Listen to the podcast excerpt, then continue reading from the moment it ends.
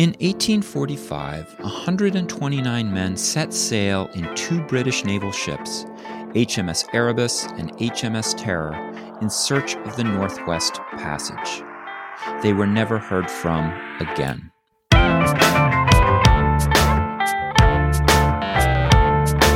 It's time to eat the dogs. I'm Michael Robinson. Today, Russell Potter talks about the Franklin expedition and the reasons why it continues to fascinate people all over the world. Potter is a professor of English and Media Studies at Rhode Island College. He's the author of Finding Franklin The Untold Story of a 165 Year Search. Russell Potter, thank you for speaking with me today. Oh, I'm glad to be here. I was wondering if you could tell us who was John Franklin and what was the Franklin expedition trying to do? Well, it's one of my great missions in life, actually, to get people in the United States to think of someone other than Benjamin Franklin. but he was a, a, an Arctic explorer, uh, a veteran in his day. I guess you'd think of him along the lines of a, of a senior astronaut like John Glenn. One last try for what was at the time the great British quest to uh, transit the Northwest Passage across America. And uh, his last voyage uh, sailed in 1845. Uh, he was supplied by the government with two large uh, bomb vessels. These are very big, wide, heavy ex-naval vessels that they thought would be great for going through the ice because they were big and tough and strong. And uh, 129 sailors and officers went with him. Well, 128 actually, because one of those is Franklin himself. And uh, they set sail and, and, actually made fairly good progress their first year, by all accounts. Uh, and uh, the, the habit back then was to overwinter in a harbor someplace off the main course because you had to get out of the way of uh, ice floes and grinding ice. And then when things thawed out the next season, you would uh, go off again and continue on your way. The thought was it would take about three such seasons, so his ships were provisioned for three years, uh, and they sailed off and were, were never seen again. Uh, it's it, it's a it's a perfect romantic tale of disappearance, and uh, eventually the very first of these three harbors at Beechey Island was located, and three graves of early uh, explorations, early early casualties, and then over a process of more than 150 years, little bits and pieces beyond that. Uh, but until quite recently, not neither of his two ships was located. Uh, you know, you'd find a, a human remains, uh, some some brass tacks or a piece of wood, and that sort of stuff. So uh, throughout the Victorian period and on into the modern era, it was one of these persistent uh, mysteries. People tended to get a little obsessed with it, and uh, those who had the means and the proximity would actually go up there and conduct searches of their own. And this continued right on through the modern period, right through the last decade or so.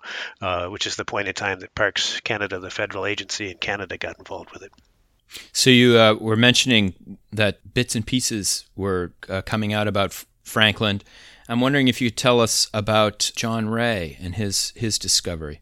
Yeah, well, that was kind of the first breakthrough, really the, the, the biggest breakthrough in the 19th century, uh, because uh, Rae, unlike the usual British officers, was on very good terms with the Inuit and uh, followed many of their ways of hunting and traveling. And in fact, in the in a place where it appears that some of Franklin's men uh, starved to death and resorted to cannibalism, uh, Rae was uh, sledding through and giving extra food to local Inuit because he had more than he could eat. Wow. So it was he in 18. it is a testament testament to his uh, his uh, survival skills there. And of course, he was a Scotsman, not a British fellow. So, you know, he was already part wild from the British point of view. uh, those Scotsmen hunted for food. Perish the thought. Mm. But at any rate, he he uh, encountered a, a, group of Inuit in 1854 who were the first real witnesses to what had occurred, uh, led by a fellow named Inuk Pujijuk. And this fellow had uh, was wearing on his parka a gold cap band from one of the officers' hats. so Rae let it be known known he would uh, pay handsomely for any items of this sort and ended up coming back with a large cache of personal items and relics, uh, as well as testimony that he was the first to bring back the testimony that cannibalism had occurred. And you know, in Britain, everyone was very happy to receive the relics, and people waited in line to see them. But uh, the news of cannibalism was not quite so warmly received, uh, and, and Rae ended up being pilloried in the press by Charles Dickens, who was a, a, a great fan of his pet Arctic heroes, and who denounced the Eskimos as uh, savages with a domesticity of blood and blubber, uh, and believed, in fact, that he thought the Eskimos had murdered Franklin's men more likely. So so Rae Rae had a bit of a tough time on his return. Now we've we've all of that has been vindicated. Of course, we've actually had forensic studies of human remains there that show cut marks consistent with cannibalism. So uh, you know Rae has now emerged in modern times as, as as a hero of the story, but in the time he was at the time he was not. So if John Rae was the first person to really figure out where the Franklin expedition had gone and also uh, give us information about the fate of at least some of his crew, then what preoccupied so many searchers uh, between that period and the studies of the late 20th century? Yeah, well, you know, his evidence was was incomplete. I mean, this is the thing; it was oral testimony from the Inuit, and each person had only their own account to offer. And some of the Inuit, frankly, said, you know, I I did not see these things myself; I have only heard of them. So it it wasn't until another five years after Rae that anybody got to the place that was described. That was Leopold McClintock, uh, and even then, what he found there didn't tell a complete or coherent story. You know, if you're looking at 129 people, where you'd expect 129 human remains remains, but that's not what he found. It was a few scattered skeletons, an abandoned whaleboat, uh, a heap of provisions. One single note was discovered, the so-called Victory Point record, which which raised as many questions as it as it answered. And uh, of course, the ships. The the big missing piece of the puzzle was the ships. I mean, they're very large, substantial vessels. Where had they gone? There was no sign of them. Uh, Inuit testimony spoke of one that had sunk in shallow water at a place they called Utjulik. Uh, but even finding that vessel and even using the Inuit testimony that had been collected back then uh, took a long time. It's, it's, a very vast area. I think that's the principal reason. Uh, you just can't, uh, you know, it's it's a needle in a very big, wet and frozen haystack. So uh, in 1984. Owen Beattie, who I believe is an anthropologist, uh, correct? Yes, and uh, right. J- John Geiger traveled to the Arctic to look at those graves that had been uh, had been known about for over hundred years on Beechey yes. Island. Could you talk a little bit about what they figured out? Well, it was a dramatic uh, uh, series of events. They they actually decided to exhume the three bodies. They they did one, John Torrington, in 1984, and the other two in 1986. And they exhumed them. They conducted autopsies. They set up a field tent. They did X-rays. They took tissue samples. Uh, I think the biggest impact on the public, though, is that we actually saw the faces of three of Franklin's men, and you know, at least on the outside, they looked fairly well preserved. Uh, and you know, once you looked inside, of course, you found that there was a lot of degradation of the tissues, and they weren't as frozen as they might have been.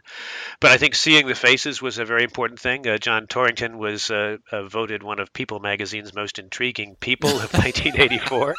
not not bad for being dead for all that time and uh, and then I think the other thing, of course, was they, they the uh, evidence they collected uh, showed us that well, a all three men suffered from tuberculosis, which wasn't a huge surprise, uh, and that there was evidence that at least two of them had fairly high, elevated levels of lead, uh, and the tinned food that had been supplied to Franklin in somewhat of a rush order uh, was shown to have very large beads of lead solder. Some of the tins were actually found on the same island as the grave, so I think that was the first, you know, sort of scientific explanation I mean, it, it, it, it, it, it, at the time it seemed to explain everything. Now we think, well, it explains some things and not others.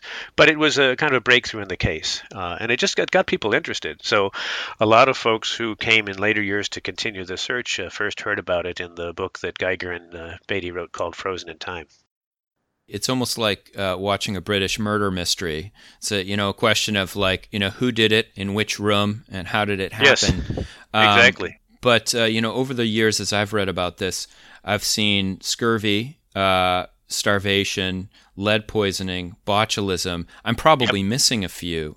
Um, but uh, what's what's the thinking now about the probable you know cause of, of death of all these men?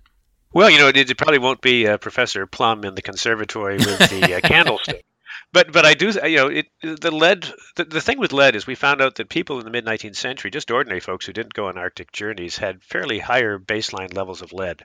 So the levels that we saw at Beechey and now in other remains that have been recovered are not alarmingly high in most cases, but some people evidently were suffering from a much worse case of lead poisoning. And one of the mysteries is is we don't know quite why so much variability among different individuals. So so that takes lead away as an explaining everything thing, but it certainly was still a factor. Uh, scurvy happened on all of the voyages. You know, they, they sent lemon juice, which they mixed with rum and water and put in barrels. so it lost the, they didn't, they didn't understand vitamin C chemically, so it lost its potency over time. And scurvy was a visitor on almost any extended Arctic voyage of that period. And then the other thing that, that really is the key factor is that they had to leave the ships. You know, the entire plan rested on staying inside the ships where there was food and heat and Fraser patent stoves and things uh, that you could uh, survive on. And when they had to leave the ships, which apparently at the time were, were stuck in the ice for, for more than a year, uh, they had to haul their supplies and goods overland in sleds they built on board ship with cast iron runners and heavy oak boards and heavy supplies and I think exhaustion, just physical exhaustion, not realizing the caloric needs or being able to provide them for, for huge crews of people hauling sleds. Uh, so that by the time they had gotten a short ways from the ship, people were pretty debilitated. Uh, and that's that's kind of when the end began because they were too sick to get out, too sick to get back. Uh, although now it appears, since we found the ships, that they may have been remanned. There's some evidence suggesting that. So, so those were all of those things that were sort of racing uh, uh, to see which one would kill off most of the people uh, soonest. It seems like Franklin has become a kind of symbol of or the Franklin expedition has become a kind of symbol of Western arrogance uh, in the 19th century. Uh, this this group of of men, uh, the best of the British Navy, with these really high tech uh, ships going into the Arctic and dying, whereas the uh, so called uh, primitive uh, Inuit are able to uh, not only survive but actually assist these men. Do you think that? And I should say I'm guilty of, of, of using that narrative a lot in my teaching. Sure, sure. Um, do you think that that's accurate? That this is a kind of cautionary tale, or do we uh, do we play it up too much? Well, it, it is a cautionary tale. I think it's it's it's not quite right to single out Franklin as being the most uh, you know culturally obtuse of, of, of all because he was doing exactly what previous and indeed some successive uh, expeditions had done. They had the same outlook, the same attitude. They took very similar supplies and went on similar sorts of ships. So you know, in in writ large, if you look at the British approach to the passage, I agree, it's true. Uh, they weren't particularly interested in learning from indigenous peoples knowledge about anything except perhaps having them come on board ship and draw a map for them. And then if they didn't like what the map showed, they said, "Oh, this this map can't possibly be right." So it wasn't really a, a good situation. Whereas someone like John Rae or people who worked for the Hudson's Bay Company, which had been up in the area since the 17th century, uh, they had had to live with, work with, work alongside natives, and of course they had realized that natives uh, had some pretty extraordinary survival skills, having lived in the area mm-hmm. for thousands of years. So I, I think that narrative is is partly true anyway. But mm-hmm. but at the same time, you know, I don't. I, I think that uh, you know Franklin's uh, relations with indigenous folks, insofar as he had direct contact with them, and on previous expeditions, he seems to have had a, a relatively open-minded and and uh, not unenlightened view. I don't think he is an individual villain of any sort, uh, and certainly, mm-hmm. Uh, you know, it is it is interesting and perhaps slightly ironic that when the ships were finally found, that was almost entirely due to Inuit testimony that had been collected by others who came after Franklin and were, were searching for him. So, so that's the other part of the story uh, that the Inuit actually were the key witnesses in the solution of this this murder mystery. Actually, since you bring it up, can you tell us about the Parks Canada discoveries of uh, Erebus and and Terror? Sure. Yeah. Well, just a short bit of backstory on that. So, you know, Parks started their searches in 2008, uh, but other folks had been up there doing the same thing, just not with the resources that Parks had. So, uh, a Canadian guy named Dave Woodman was the first to really look at the Inuit evidence, much of which had been collected by an American named Charles Francis Hall and had been gathering dust in the Smithsonian for a century or more. So, he went to the original manuscripts and transcribed and collated all of this Inuit evidence. Uh, and then he decided to go up there on his own dime, as it were, and try to conduct searches. He he was uh, you know had to deal with very limited resources. He didn't have big ships. He couldn't uh, tow around a, a, a sonar uh, towfish on a big vessel yeah. or anything. Mm-hmm. So he went back and forth. He did. He put a magnetometer on the qamutik, which is a sled. He uh, you know walked over land with teams of people trying to search for artifacts, uh, and he kind of handed the uh, the passed the baton, I guess you'd say, to Parks in 2008 to a fellow fellow named Robert Grenier, who was at the time of the head of Park's underwater archaeology team. And Grenier had caught his Franklin fever from Woodman and pretty much based his work on that. And then that was continued uh, every year, I think, except 2009. Parks searched, uh, but they didn't find anything till 2014. So even with the resources they had uh, and the support of a Canadian icebreaker and plenty of uh, equipment and, and, and, and ground support, you know, it still took them a long time to, you know, as they say, mow the lawn back and forth and back and forth, trying to eliminate areas uh, that hadn't already been eliminated by Woodman's work and so forth. So the first was found in 2014. Ironically, this search was called the Victoria Strait Expedition, uh, and they went. Mm-hmm. The theory there was, well, maybe the ships didn't get very far from where they were first abandoned. We'll look and see if there's anything there, but they couldn't get there because of the ice conditions that year. Uh, so they were forced to go back to the area where Woodman had started looking. This area the Inuit called Utjulik, uh, and it's actually there that they found the first of the ships, which turned out to be HMS Erebus, which was Franklin's flagship. Uh, and just as the Inuit had said, it was found in shallow water, shallow enough that the masts would have been uh, above the surface before they were broken off by passing ice. Uh, and Parks has been diving on and learning stuff about that ship for uh, the past several years. And so this there's an exhi- exhibition actually that's in Britain right now at the Maritime Museum. It'll be coming to Canada and then actually coming down here to the U.S. to Mystic Seaport. And this contains 22 items brought up from Erebus. Uh, simple things like a shoe, uh, complicated things uh, such as uh, you know fragments of marine buttons, fragments of a marine's belt buckle, um, a tiny little container which may have contained either fish paste or hair cream, uh, mm-hmm. little tiny tokens of everyday life on the ship, which is which is quite interesting because uh, you know until until this discovery we had almost nothing from either vessel. I mean they they both sank pretty thoroughly. There wasn't a lot washed up on shore, and if it were, of course, the Inuit were were very keen to repurpose it. A piece of wood was precious up there, so uh, until the first ship was found, we had so little evidence of that kind. And then the second was found two years later, which was uh, astonished all of us. we thought, well, one ship, we've been pretty lucky. Uh, don't ask for too much. Uh, and then the other turned up, HMS uh, Terror, actually in a, a, small bay that had been named Terror Bay by one of the searchers more than a century before. He had no idea the Terror was in Terror Bay. Um, and that was also found uh, by Inuit accounts, but from a modern living person, Sammy Kogvik, uh, who a Canadian ranger and resident of the town of Gjoa Haven, who, who had seen a mast, he thought, sticking out of the water some years previous, and then it disappeared. Uh, he directed a vessel there, and lo and behold, there was the ship. So, so now we have two to deal with.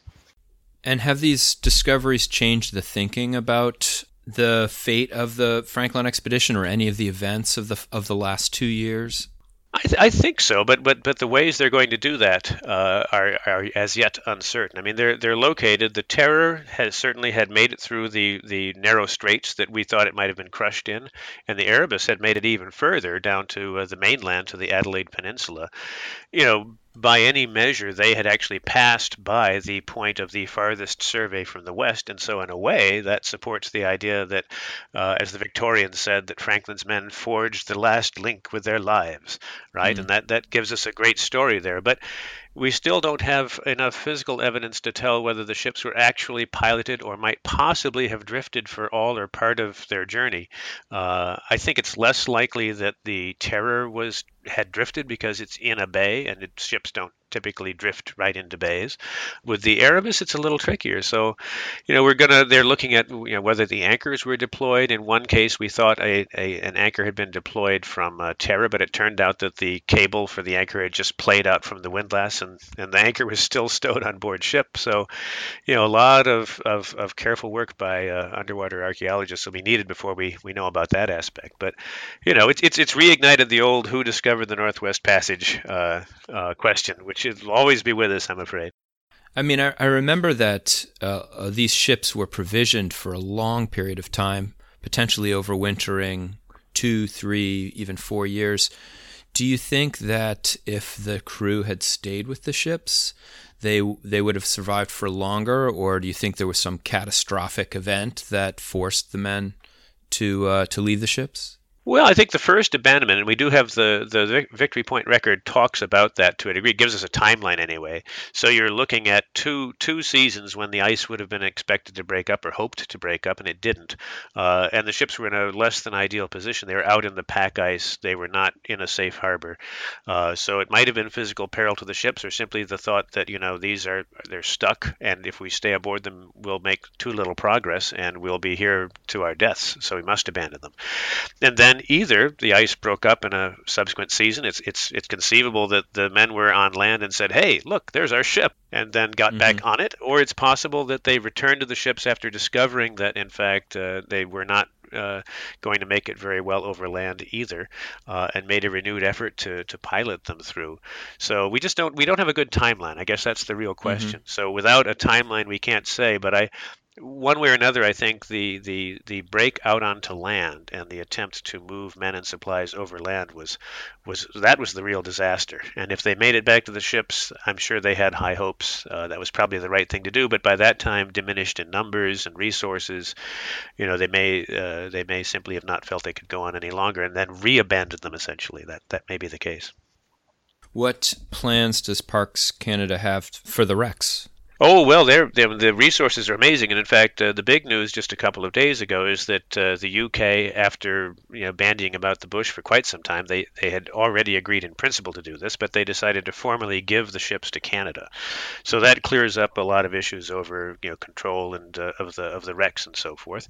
And at the same time, Parks Canada has reached uh, some very good agreements with the local Inuit organizations uh, to share custody and care of the relics that they recover. So so all of those tempests and all of those teapots are now uh, over, and uh, and Parks seems to have a pretty firm commitment. You know, originally the uh, conservative government of Canada with uh, Prime Minister Stephen Harper had had put a lot of money into this because uh, Harper believed that somehow these ships would secure Canadian sovereignty over the Northwest Passage, which is a matter of some dispute. But the uh, Trudeau government seems to be equally uh, strong in their support, and in fact, uh, they already have built a small barge as a sort of a diving platform, which was used this summer, and they have next year they're going to have a former Coast Guard vessel, the David Thompson, which has been in dry dock being uh, renovated and refitted. They're going to have that ship uh, dedicated to their searches. In the past, you know know they'd have to depend on an icebreaker, and icebreakers have many different things that they have to do. So your search season might be cut short because of uh, search and rescue or something. Now they're going to have a dedicated vessel that will be able to anchor near the dive site all season long and provide full support to the searchers. So I think they'll be getting in a lot more dives. I think they will be. Uh, they haven't yet reached the point of bringing up much in the way of additional uh, materials, but I think they will soon reach that point. Uh, the focus right now is on Erebus because the wreck is in a much more fragile state. Uh, but of course, we're all wondering about Terror because that looks, at least from the outside, to be much better preserved. It's deeper water. It's been less uh, damaged by passing ice and such like things. So, so that's you know from the point of view of the historian, we want Terror, but from the point of view of the archaeologist, I think they're going to do some work on Erebus first. Hmm. Uh, now you were you just got back from the Arctic uh, a couple of months ago, correct? That's right. Yeah. I remember when you went up in 2004 when you were working with uh, the PBS series Nova on the Franklin Winter Camp. That's right. So, what was it like to go back? Well, it was great to get back. I mean, you realize how much you've forgotten uh, over the course of time. And of course, when I was there with the Nova crew, I was pretty much at their disposal. I, you know, time to go shoot the scene, time to go get pictures of this, get on the plane, get off the plane, get on the helicopter, get off the helicopter. I didn't really have a lot of control over how I spent my time. And this past August, I was up there with two different outfits. Uh, the first was One Ocean. Uh, they have two vessels up there right now, the Akademik Ioffe and the Akademik Sergei Vavilov. They're both uh, ex-Soviet uh, research vessels that were built in Finland. They're ice strengthened, and they're great ships. I mean, they really, you know, they're they're they're the appropriate kind of ship uh, to go up there in. About 90 or so passengers, and I gave shipboard lectures on board the vessels, and then we were able to do landings at various sites of interest. You know, of course, you get the permits from the Nunavut government and so on, and you would land in zodiacs and actually be able to walk uh, around on the ground at many of these sites. So, of course, Beechey Island. I was actually at Beechey Island three times in in August, which was kind of bizarre, and then uh, other sites such as Radstock Bay nearby, which has a lot of Franklin remains. Fury Beach, where one of the earlier ships before Franklin was wrecked. Port Leopold, which is where the first major naval search for Franklin uh, was based. And so you really got to, you know, I mean, you could you could you're really it's like a living history sort of a thing. So you could walk around and say, "Hey, look, there's one of the Franklin tin cans. I wonder what evidence that provides." I mean, I'm not an archaeologist, although both times I was uh, both the outfits I went with had a, an archaeologist uh, there on staff. So, you know, you really learn something about the uh, uh, the complex nature of evidence up there. Uh, and also, you see how much modern evidence is layered. So, at Radstock Bay, for instance, beautiful old Franklin tins and barrel staves and barrel hoops, and a board that says something like Joe and Fred 1973 on it. It's like, oh, geez. so, you get this sense of multiple use over, over long periods of time. And, uh, and of course, lecturing, it's wonderful to lecture on one of these ships because you can say, well, you know, over here in the Simpson Strait, well, actually, uh, we're over here, just a short distance away on this map. So it, it is a sense of immediacy and so forth. And uh, in addition, we visited several Inuit communities, and uh, including Grise Fiord, which I'd always wanted to get up to. That's the farthest north of all of them. And then my second tour uh, was aboard the ship that must not be named, as we like to say, uh, the Crystal Serenity. I was working for. I, I, know, I know.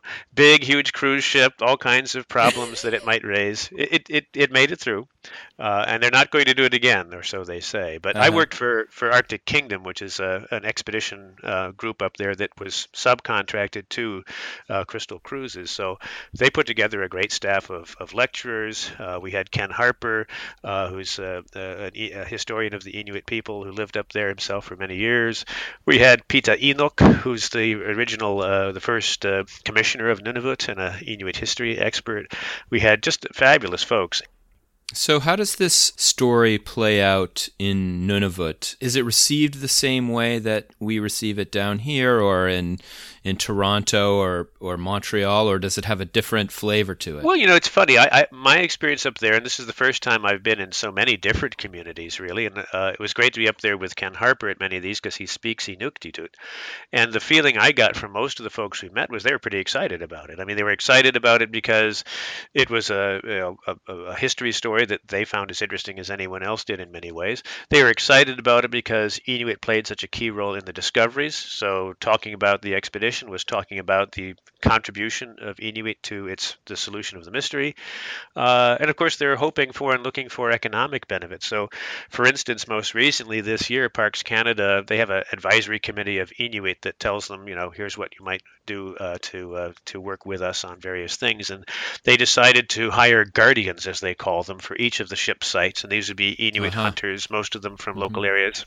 who would who would spend, you know, most of the season when the ships are accessible there there guarding them and looking out for them and, and, and, and be paid by the federal government. And, and that really that was a breakthrough i think. A lot of inuit said well okay you're actually going to hire us to help you with what you're doing and you're going to hire a number of us on a regular basis. That that that's uh, sparked a lot of hope and changed the, the the conversation up there as they say.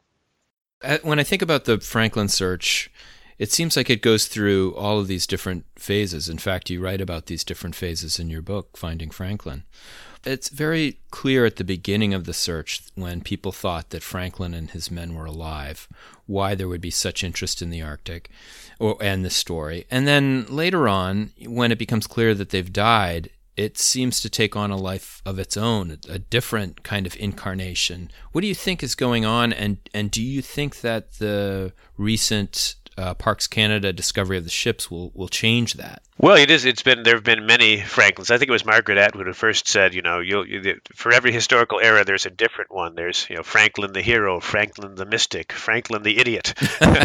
so, so you, you, start out, of course, yeah, you're it's it's search and rescue. You're hoping to to render effective relief, as the uh, reward poster said.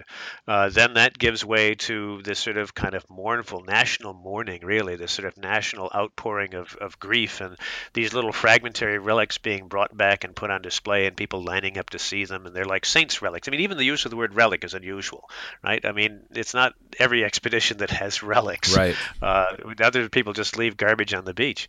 so you, you you have that, and then I think you know over time it's it's you know it's it, it has it is it's gone through a number of phases since then. I mean, I think in the early 20th century, since most of the searchers were people who are up there working professionally, it was a hobby, I guess, uh, something that they took a, a, passing interest in because they were there and had the opportunity.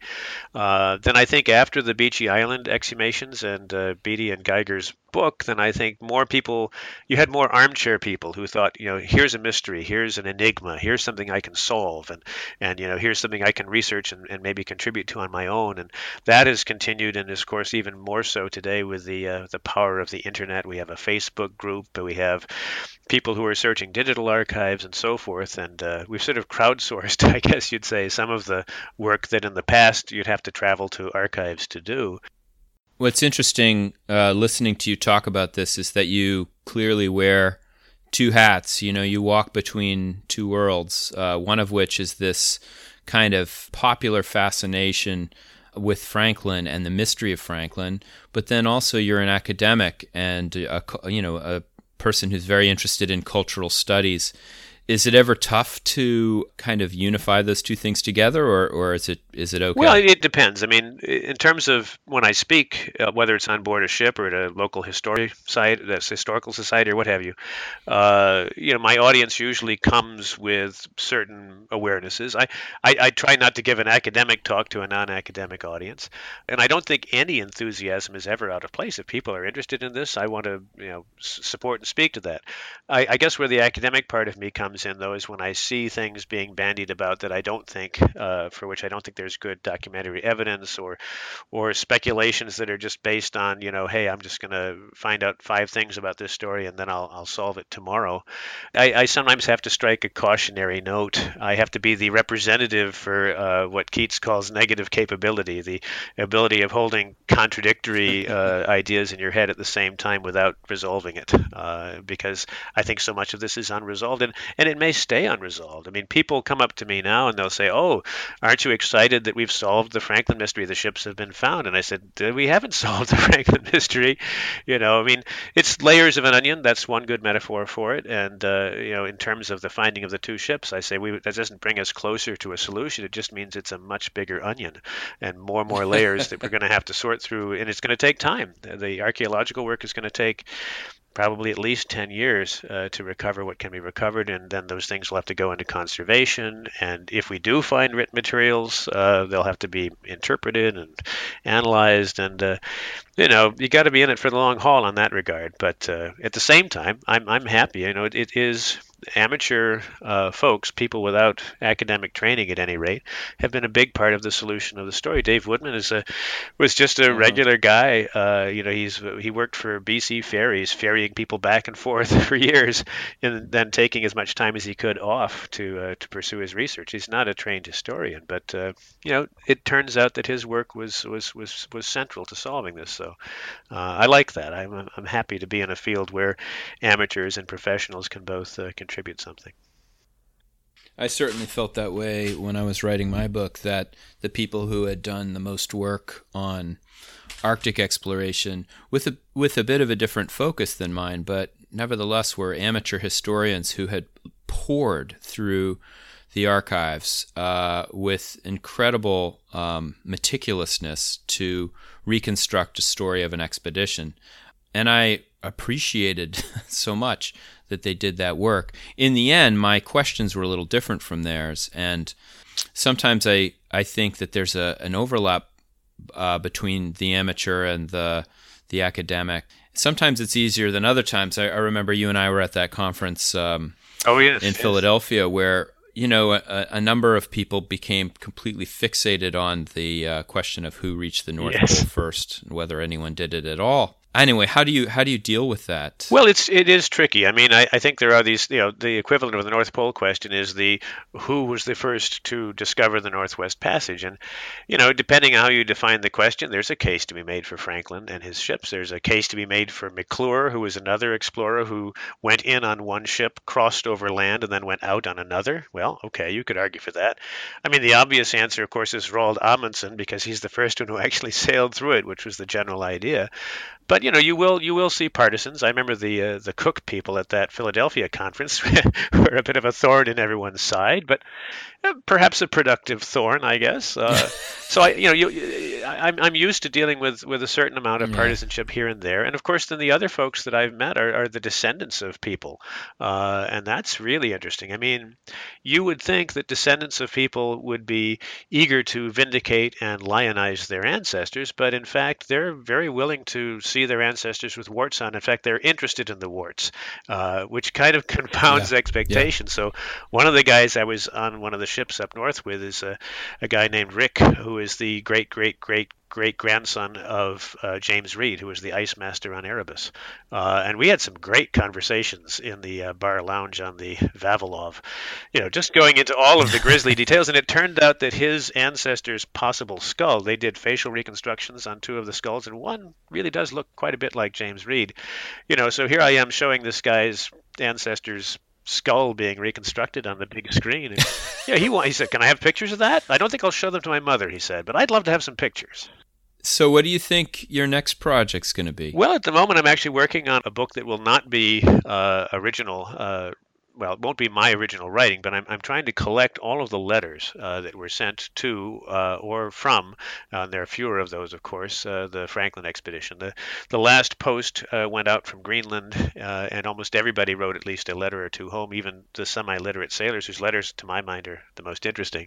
Huh. so, and then, of course, all the letters that people wrote to them, which, of course, were eventually returned as, as undeliverable. So, that's an interesting project. It brings you back into the archives. you get a real real sense of the of the worldview and daily lives of uh, officers and sailors and their families. And uh, and of course, in the course of that, you meet a lot more descendants because it's often the descendants that have the letters or have the information on their ancestors. So so that's going to be a longer term project. It might take a couple of years to get all the letters properly transcribed and edited and so forth. But uh, and I've got some I've got some some other folks working on that as a collective project because uh, every letter has to be read more than once by one set of eyes. So it's exciting though.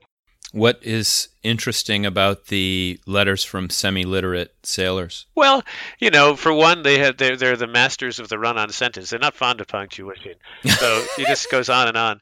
But but they're wonderful, and this the little things they report. Uh, there's one guy who complains about the mosquitoes, which are far more venomous than any English bug, and he spells bug b-u-g-g.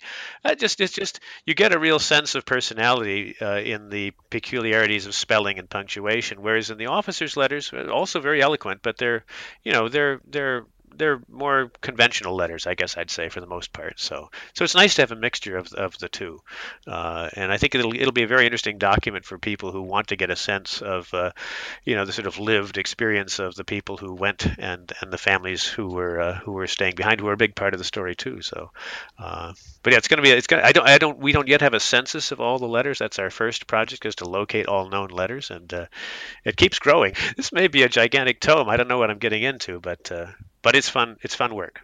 You're probably getting pretty good at uh, deciphering really bad handwriting. yes. Too. Well, it's true. And then there's one gentleman uh, who we haven't yet fully identified, but the infamous Peglar papers appear to have been written as a series of letters. They have addresses, but they're all written backwards, including the addresses being written backwards. Uh, heaven only knows what the uh, post would uh, do with those, but but they're part of the story too. So just to imagine why someone would write backwards and uh, uh, to decipher that is, is like a, I call it the Dead Sea Scrolls of the North. Because gives you an extra feeling of discovery when you've made sense of a single word, really.